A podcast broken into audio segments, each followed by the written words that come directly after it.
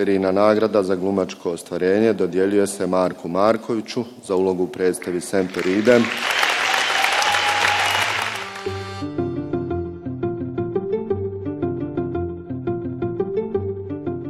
Marko Marković, glumac Narodnog pozorišta Sombor, za sedam godina od nagrade za mladog glumca na 58. sterinom pozorju stigao do glavne glumačke nagrade na tom istom prestižnom festivalu. Od čarobnjaka do dečaka, mada tačnije bi bilo reći od dečaka do čarobnjaka. Tako bi glasio slogan za dosadašnji put glumca čije školovanje za glumački posao počinje dolaskom iz rodnog Kragujevca u Novi Sad na Akademiju umetnosti. Odakle iz klase Vide Ognjenović i Ljuboslava Majere brzo počinje da igra na scenama Srpskog narodnog pozorišta koje opet napušta 2006. godine i odlazi za Sombor, mada u tom trenutku u Novom Sadu igra u čak 11 predstava.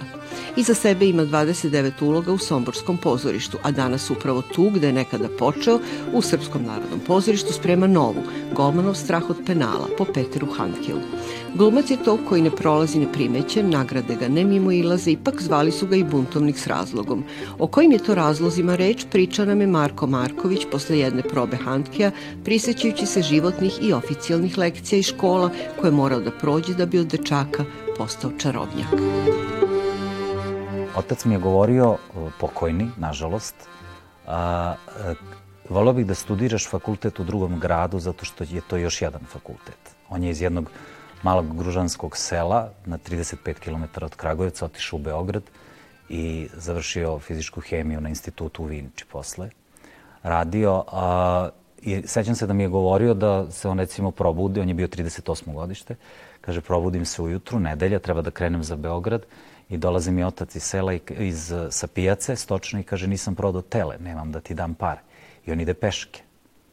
I to se tako ponavljalo. Da li je sad cena koju je on tako platio nešto što, da bi meni bilo lakše, ja to ne znam. I kako se ta škola uči, ne znam. A, mislim da zanat koji sam ja sticao u pre svega Narodnom pozorištu u Somboru, je nešto što ja tom pozorištu dugujem kao veliku zahvalnost i prosto kao jedan neodvojivi deo mene. Ovaj, rad sa velikim rediteljima, rad sa ozbiljnim partnerima i, kako da kažem, rad na sebi.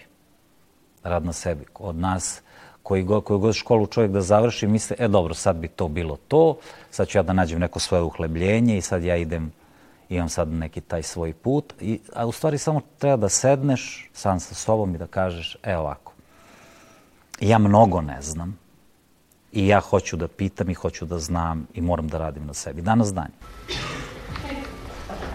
Đevak miriše na proleće. Dan i noć ima latice od kadina, tulipan u paršuna. Kamelije su nekada i nežne, mirišu na anđe. Šafran na maminu kuhinju. To što je izveo sa ulogom Đorđa Lebovića u predstavi Semperidem neka vrsta čarolije, jer nas je Marko Marković ubedio da tokom šest sati u njemu vidimo dečaka, a ne čoveka od 40 godina. Samo smo jednom u pozorištu tako verovali starijem glumcu na sceni da je dete, Đuzi Stojiljkoviću u ocu na službenom putu Olivera Frljića. Kako je moguća ta čarolija? Zato što uh, postoje glumci kakav je bio uh, Đuza Stojljković kakav je bio Vlasta Velisavljević, sad već nažalost bio, bio, bio, bio, bila, bila, koji nikad ne izgube dete u sebi. Ja sam recimo pre par godina bio u Italiji i e, jako mi se svidelo u toj zemlji što sam viđao ljude od po 80-90 godina kako ulaze u kućicu Deda Mraza i ostavljaju svoja pisma. I to mi je bilo potpuno fascinantno. Tako da e, nije džabe sve poteklo iz Rima i nije džabe na tom trgu se ponašaš prosto drugačije i poneseš to sa sobom. Ja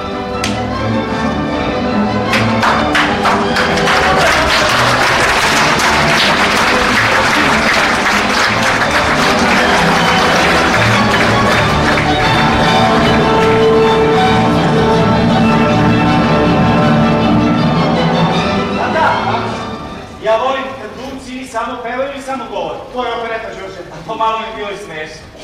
Nju se malo govori, a mnogo više peva, zato se i zove muzička bajka. A ja volim muziku.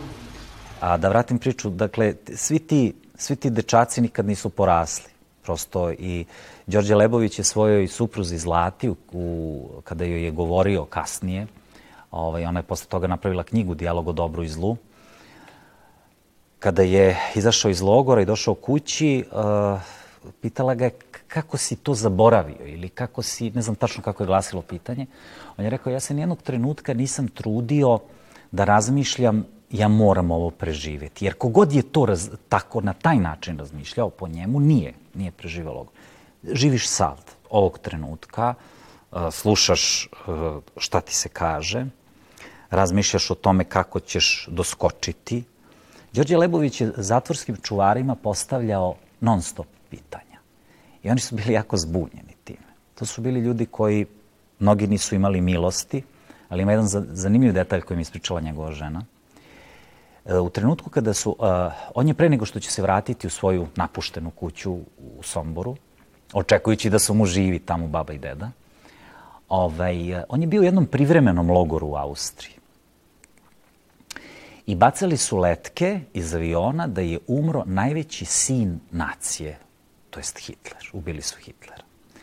I kaže, u toj baraci, gde znači, još uvek je i dalje to, to ustrojstvo vrlo strogo, je neki čuvar uzeo uh, taj plakat, zalepio na vrata te barake i pljunuo. I Đorđe je rekao, Zlati, uh, bio je to poslednji zlikovac kog sam video koji se opametio, tačka, kasno. Tačka. I rekao je, ja imam mogućnost da poludim, da uđem u tešku depresiju ili da progovorim, da pevam. Postoje vrhunski scenarista sjajan pisac. Lebovićev roman Semperidem je hronika detinstva u zagrljaju nacizma. Vreme zla je ono što vezuje ovu predstavu sa čarobnjakom Fedora Šilija, jednoj slobodnoj interpretaciji segmenata iz života Tomasa Mana u kojoj je Marko Marković kao tumač više uloga skrenuo na sebe pažnju. Zašto se uvek iznova vraćamo na temu nacizma? Ne znam. To i, to i Đorđe pita baku kad, u toj protestantskoj crkvi koja se nalazi tačno blizu pozorišta, gde je Somborsko pozorište i tu je bio taj natpis Semper idem. I on pita šta znači ove reči. Ona kaže pa uvek isto. Pa šta je uvek? Pa zlo je uvek isto. I to deluje kao jedna floskula. Međutim, uh, Đorđe Lebović je na kraju završio u Izraelu i kad gledaju uveče dnevnik i kaže njemu Zlata, pa nemoj Đorđe da gledaš, što gledaš sad, što se opet vraćaš? Kaže, zato što i ovaj rat moram da preživim. One svoje velike ratove sam preživao, za, za, Da li je bilo ko od nas poverovao da će biti rata, recimo, u Jugoslaviji? Da li vidimo sad, evo, sa, sa ove vremenske distance, besmislenost toga? Ima onaj strašan videoklip koji je groteskan, koji je komedija i u isto vreme tragedija, gde onaj momak u maskernom uniformi kaže a, oni sad nešto nas napadaju, mi sad nešto kao branimo, mi smo sad kao JNA, oni su neka teritorijalna odbrana ili kako god se zvali. Te bitke koje su vođene najveće, gde je ostao go kamen, nema kuće. Niko se tamo nije vratio. Niko nije ostao da živi na tom potezu kad se putuje Jadranskom magistralom. Ja sam 2013. igrao na Brionima predstavu ovde sa Srpskim narodnim pozorištem, Šekspir u Kremlju. I sa Cveletom sam se baš vraćao tom Jadranskom magistralu. Vidite koliko je ta zemlja potpuno ista. Ali da je dovoljno samo to jedno zrno koje raspali čitavu naciju i dese se užasi. Glavna, glavna ličnost u austrijskom konzulatu, pored konzula, bio je sudski tumač i kancelarijski činovnik Nikola Rota. Suprotno od svog starešine, on je bio grub i nabusit i prema Turcima, kao i prema hrišćanima. Golmanov strah od penala predstavlja povratak Marka Markovića kao gosta u redovni repertoar SMP-a, ali on je već zaigrao na novosadskim daskama kroz koprodukcije svog matičnog pozorišta.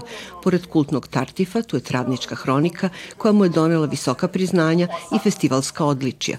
Kroz neprohodnu šumu košmarne atmosfere Andrićevog romana ka ličnoj drami Nikole Rote i nijansama ostalih uloga vodio ga je reditelj Nikita Milivojević.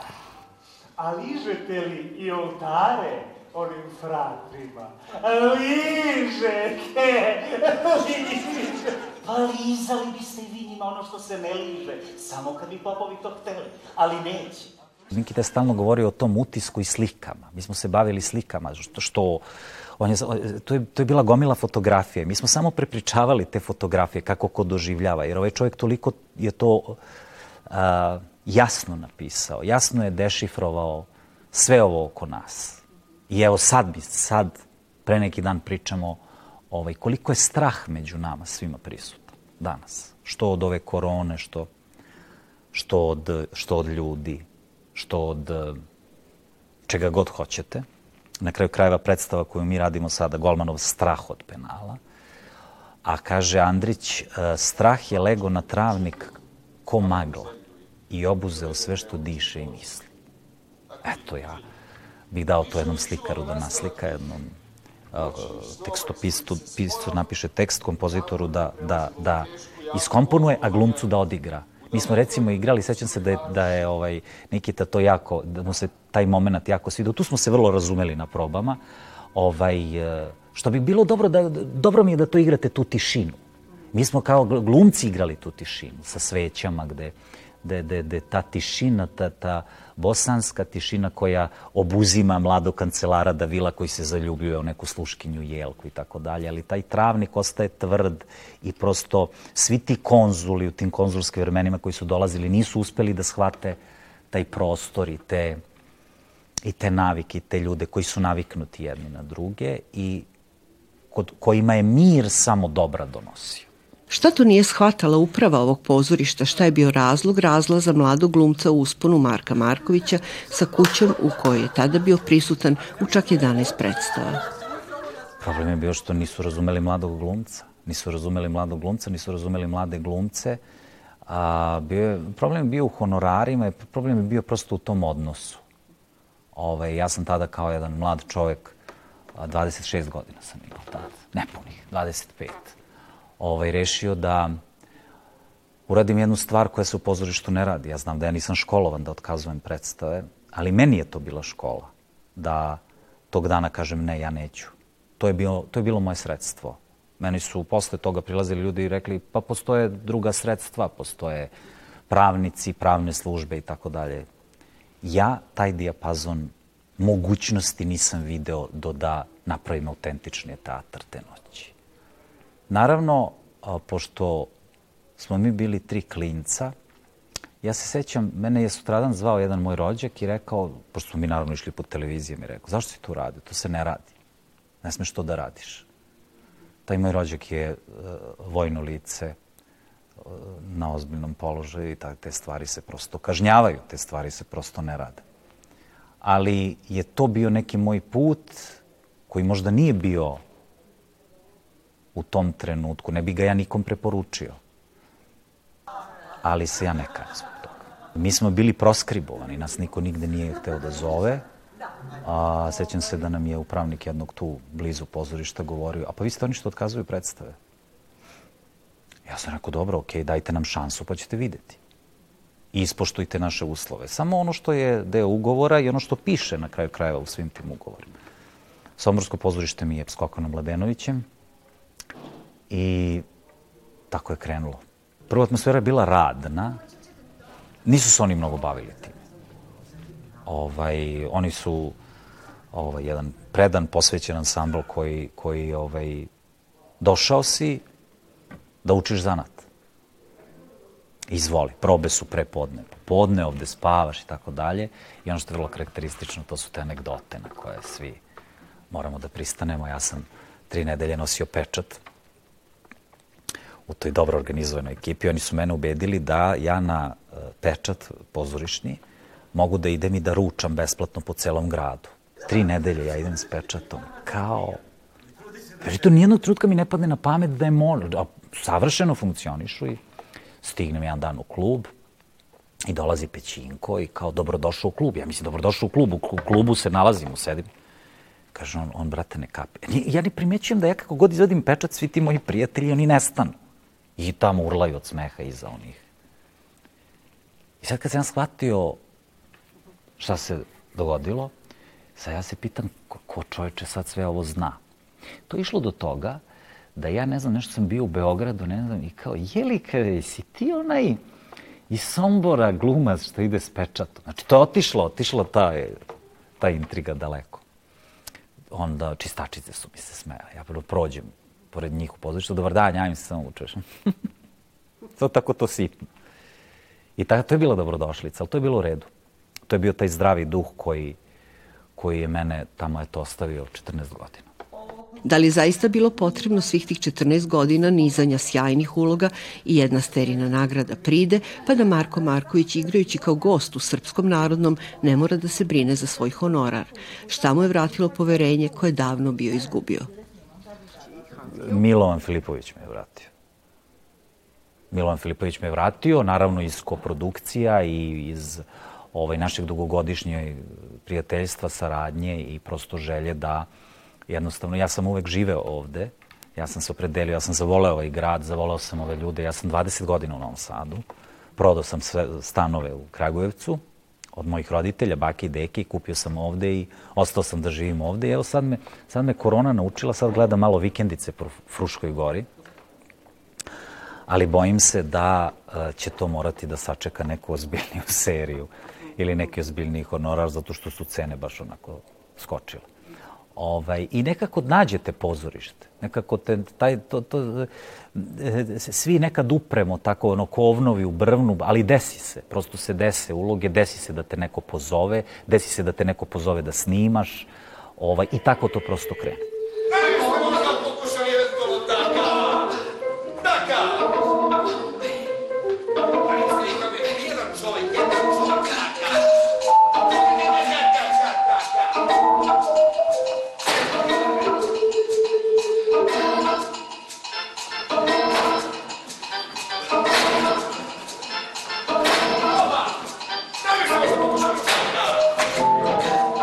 Sa prelaskom u Sombor, dakle Marka Markovića su krenuli žargonski rečeno projekti i reditelji koji su ostavili neizbrisiv trag na njegovom glumačkom biću.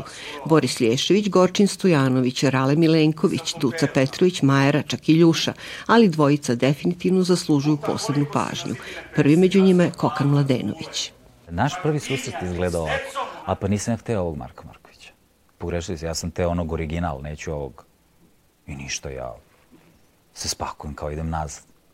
I kao šalim se Markiću i baš smo se združili, sprijateljili, zavoleli, razumeli i svađali smo se.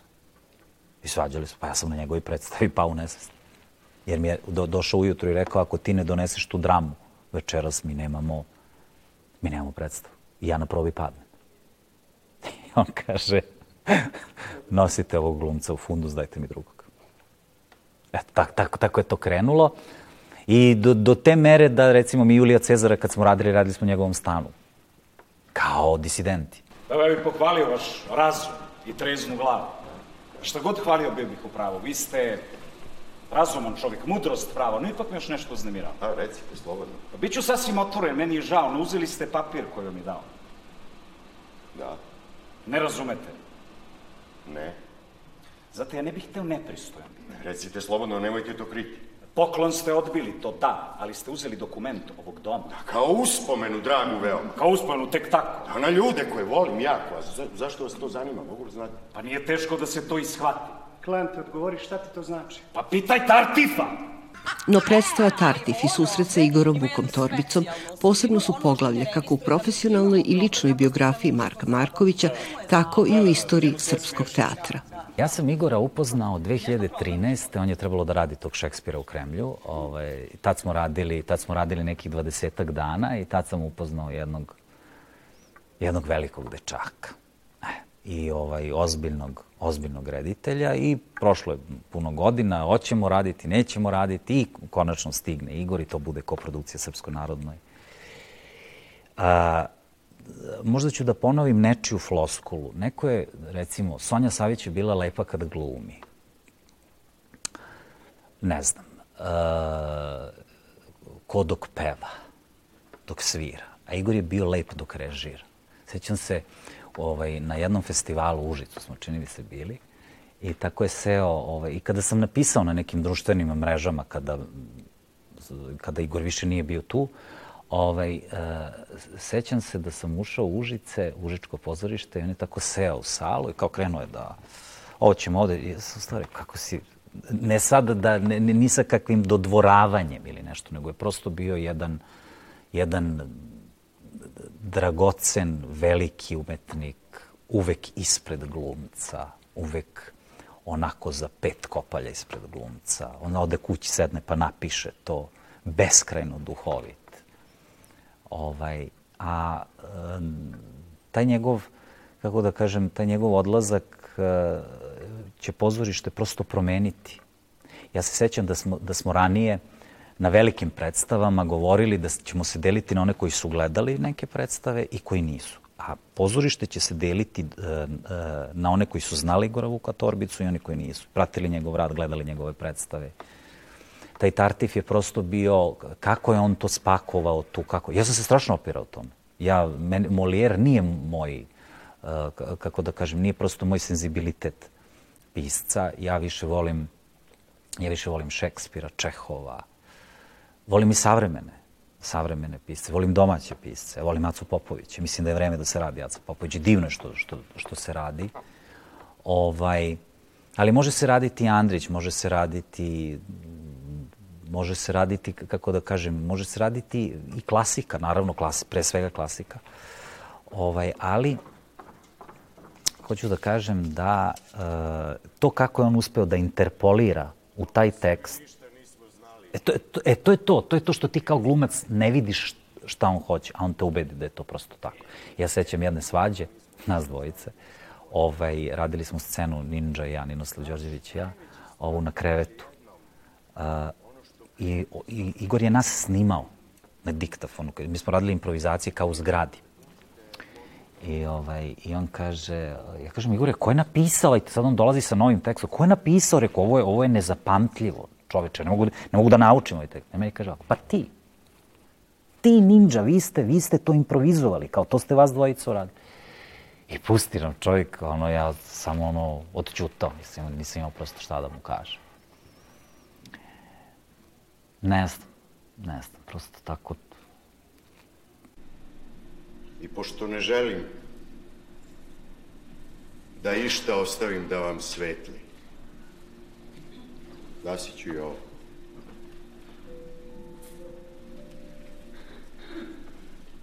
Počnite. Šta moja stolica? Dajte. Ljudi, dobro, pa dobro. Kako je Šta mi vidiš? Šta meni se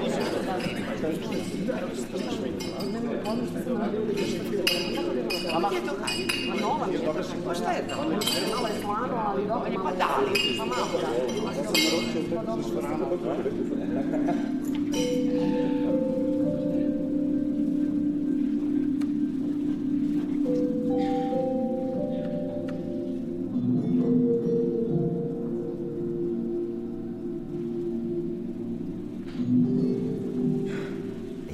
sam pre izvesnog vremena na prvoj probi Tartifa a, rekao, to se sećam pred svima, znaš, Igore, rekao sam mu, ja sam nekad bio revolucionar i buntoni, kako se to tako zove.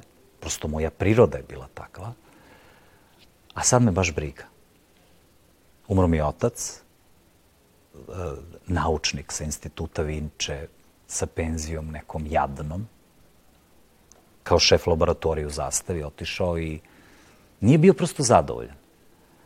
A, mama mi je umrla na institutu za onkologiju dve nedelje pre nego što će da mi se rodi dete. U životu žena nije pila, pušila i tako dalje i tako dalje. I ja sam sledeći. Imam svoje dete i nekako život je suviše kratak da bih ja trošio vreme na isterivanje neke pravde. Od toga nema ništa. Ne mislim ni na Don Kihota, ne mislim ni na sad neke tuče sa vetrenjačama. To me, to me uopšte više ne interesuje. Kako prekrojiti svet ako nije po našoj meri? Može li se u pozorištu pronaći taj čarobni štapić koji čaroliju sa scene premešta na ulicu? Može li pozorište da promeni svet? Pa, pa može. To oni koji misle da ne može su se, su se prevarili. Mislili su da je to, a šta pozorište, ko ide u pozorište? što bi rekao Duško Kovačić, oni tamo idu jer, jer mogu da se dogovaraju na miru zato što se ovi sa scene samo deru. I to je Kovačić bio pravu. To oni misle o nama. A koji su oni, koji smo mi, to, znači na ovim prostorima, ko će to, ko će to raščivijati, ne znam. Ali ovaj, mislim da ćemo se vratiti u prirodu i da prosto da ćemo tamo, pa za, za, mislim zašto, zašto na, na kraju krajeva, zašto su najveći ono i umovi i svi na kraju se vratili negde u neku, ovaj, ne, ne treba ti ništa više od toga. Ništa više ti od toga ne treba. Ono da si na nekoj vodi, u nekoj svojoj vikendici sa porodicom i što bi rekao Fedor Šili, eh, da žive, živiš, voliš Boga i hvališ ga u njegovoj blaženoj običnosti to slava i te nagrade i te stvari, to dođe, prođe, završi se. Ali ti u suštini treba da ostaneš normalan, prirodan,